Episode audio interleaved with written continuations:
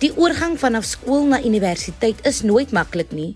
Met hierdie nuwe fase van jou lewe kom daar natuurlik baie verantwoordelikhede en groot veranderinge. Weg is die dae waar 'n onderwyser heeltyd agter jou staan en jou konstant herinner van jou take en opkomende eksamens. Jy moet nou leer om op jou eie voete te staan, die werkslading stelselmatig te verteer en op 'n manier probeer aanpas by jou nuwe omgewing en akademies goed presteer. Dis baie om in te vat. Vanaand in Kompas bespreek ons hierdie oorgangsfase. Hanelie Spiese opvoedkundige sielkundige kom deel hoe studente hierdie fase soemloos kan hanteer en nie oorweldig word met die druk wat saam met universiteit gepaard gaan nie. En die slimkop Simon Anamart Lou, een van die land se toppresteerders, kom deel wat haar planne is vir die jaar en hoe opgewonde sy is vir hierdie nuwe fase. Hallo en welkom by jou Vrydag aan Kompas kuier saam met my Christlyn Cias. Dit is lekker om weer saam met julle op die draadloos te kuier. So stuur gerus 'n SMS na 45889 teen R1.50 per SMS of tweet ons by ZARSG. Jy kan natuurlik ook 'n inskrywing laai in die sosiale media. Onthou net die hitsmerk Kompas RSG. Indien jy enige voorstelle na my wil e-pos, kan jy dit stuur na christlinsjas1@gmail.com. Simon Anamart Lou het vroeër hierdie maand haar uitslag ontvang en sy is een van Suid-Afrika se toppresteerders. Kom ons hoor bietjie wat sy hierdie jaar gaan studeer en hoe sy voel oor haar eerste jaar op universiteit. Hallo en welkom by Kompas en baie geluk Simon.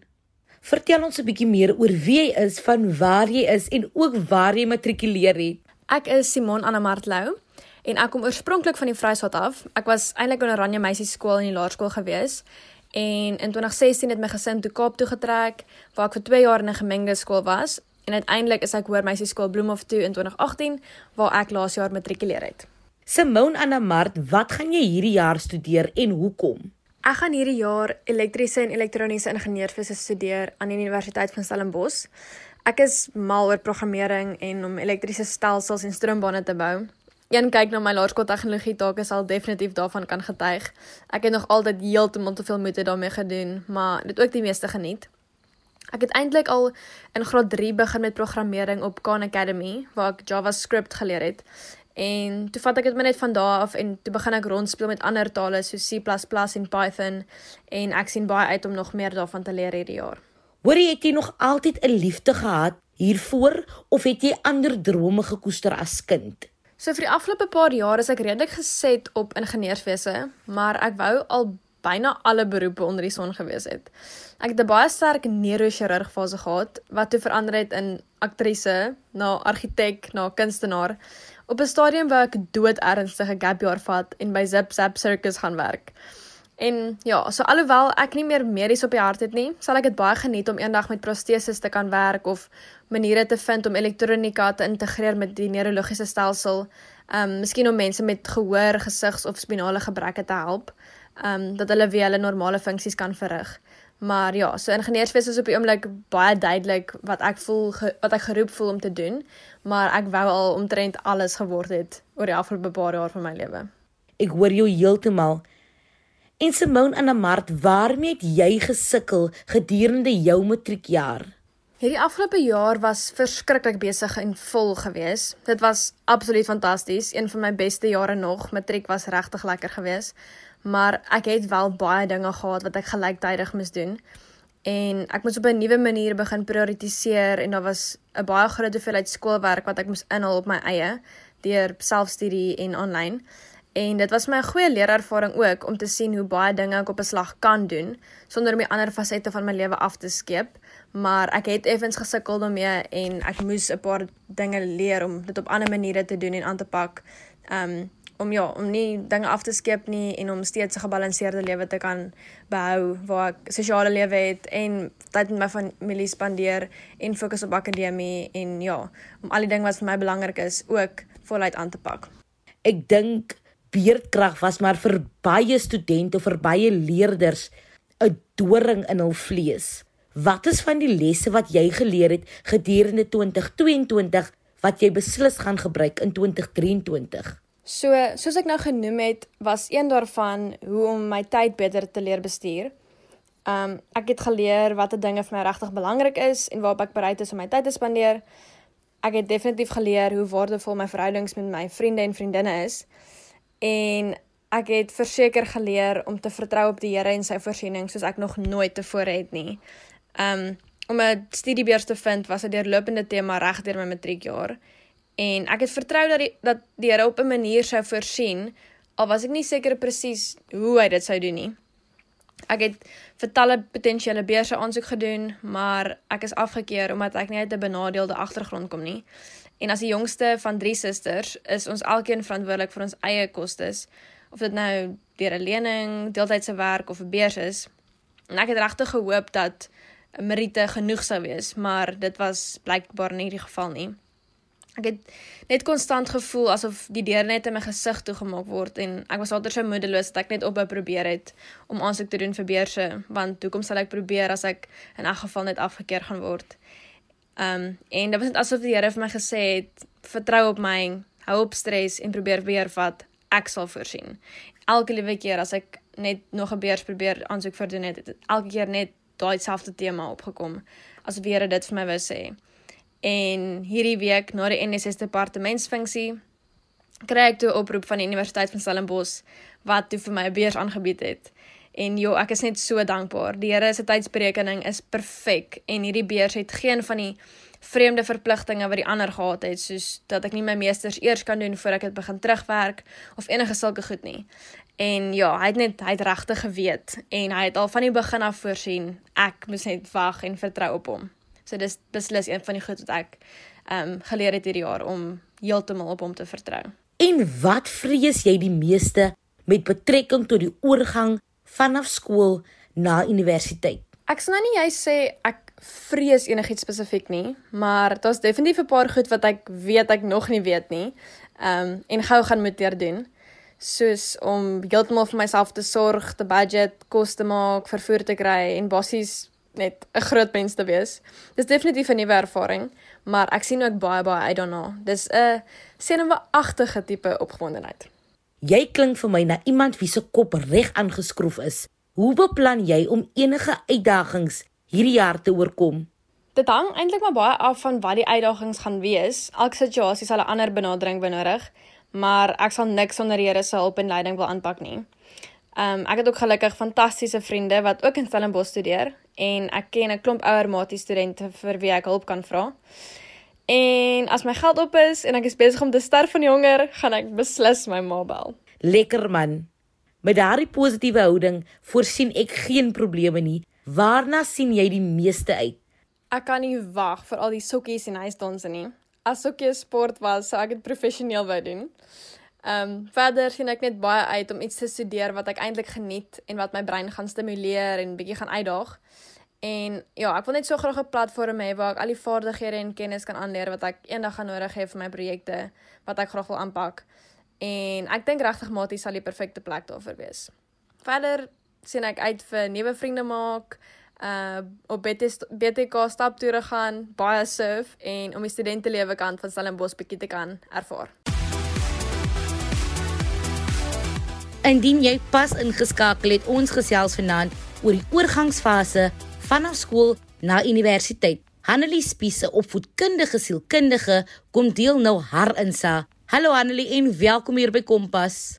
Annelie, waarmee sukkel studente die meeste wanneer hulle die oorgang maak vanaf skool na universiteit? Um, die eerste ding waarmee studente sukkel is om orde te skep in die chaos. Ehm um, hulle kom van 'n skoolsituasie af waar alles vir hulle beplan is en skielik is dit net 'n oop canvas, open canvas waarop hulle 'n nuwe lewe moet skep en waarvan hulle sin moet maak en hulle moet skielik verantwoordelikheid neem vir hulle eie lewe. Hulle moet kan besluit wanneer hulle moet opstaan of hulle wil klas toe gaan. Ehm um, besluit ten opsigte van akademie, wat se kos hulle moet koop, wanneer hulle moet wasgoed was.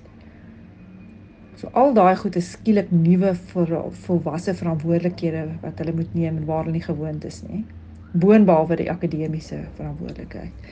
En dan een van die moeilikste dinge is die feit dat hulle 'n klein vis in 'n groot oseaan is. En daar is daar nuwe idees, nuwe blootstelling, nuwe keuses wat hulle moet maak wat hulle nie van tevore hoef te gedoen het nie. En dis verstaanbaar. Wat moet studente in gedagte hou wanneer hulle met hul studies begin? Studente moet in gedagte hou dat met die verantwoordelikheid van 'n volwassene van volwasse wees en 'n nuwe volwassenheid en die vryheid wat daar is is daar skielik ander keuses wat hulle moet maak volwasse keuses wat hulle wil maak wat hulle moet maak en wat hulle op hulle eie moet maak so hulle moet in gedagte hou dat dit ontsettend belangrik gaan wees om onmiddellik orde te skep in hierdie wanorde en ehm um, dat hulle aangewese is op hulle self en geen van hulle maats gaan hulle daarmee help nie. Ehm um, ek sê altyd vir die studente dat niemand saam met jou na die prof toe gaan gaan en verduidelik hoekom jy gedryf het nie.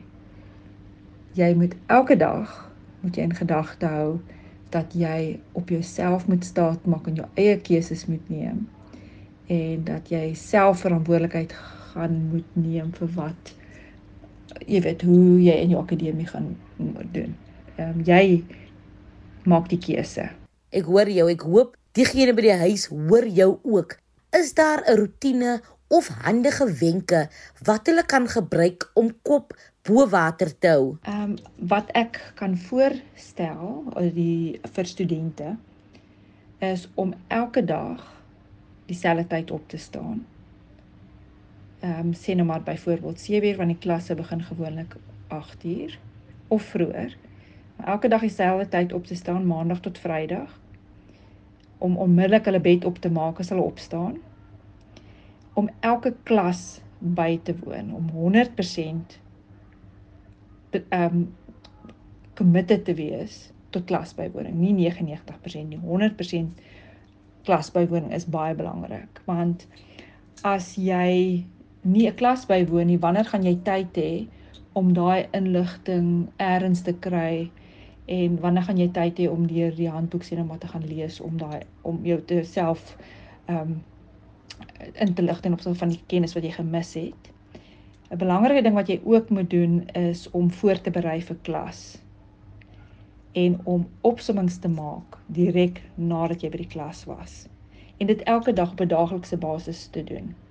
Want onthou net, as jy dit nie nou doen nie, gaan jy dit voor die eksamen moet doen en dan het jy al weer alles vergeet wat jy geleer het. So dit vat dan 'n baie langer tyd om daai opsommings te doen.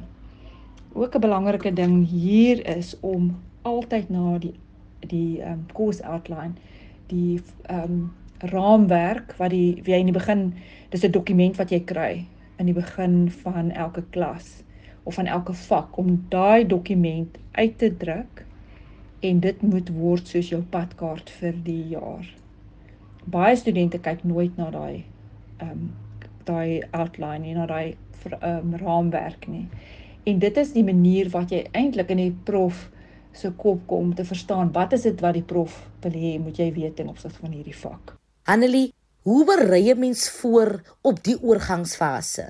'n Belangrike voorbereiding um, wat mens kan doen vir hierdie oorgangsfase is om onmiddellik sodra jy geregistreer is en sodra jy toegang het tot die webtuiste van die universiteit om onmiddellik in die eerste plek jouself um, bekend te maak met hoe die webwerf werk want daar's ontsettend baie inligting en baie keer kom ek agter aan die einde van 'n jaar en weet eers eers nog steeds nie hoe die webwerf van die universiteit werk om waarmee inligting te kry nie want in daai op daai um, webtuistes is daar ontsettend baie inligting vir jou.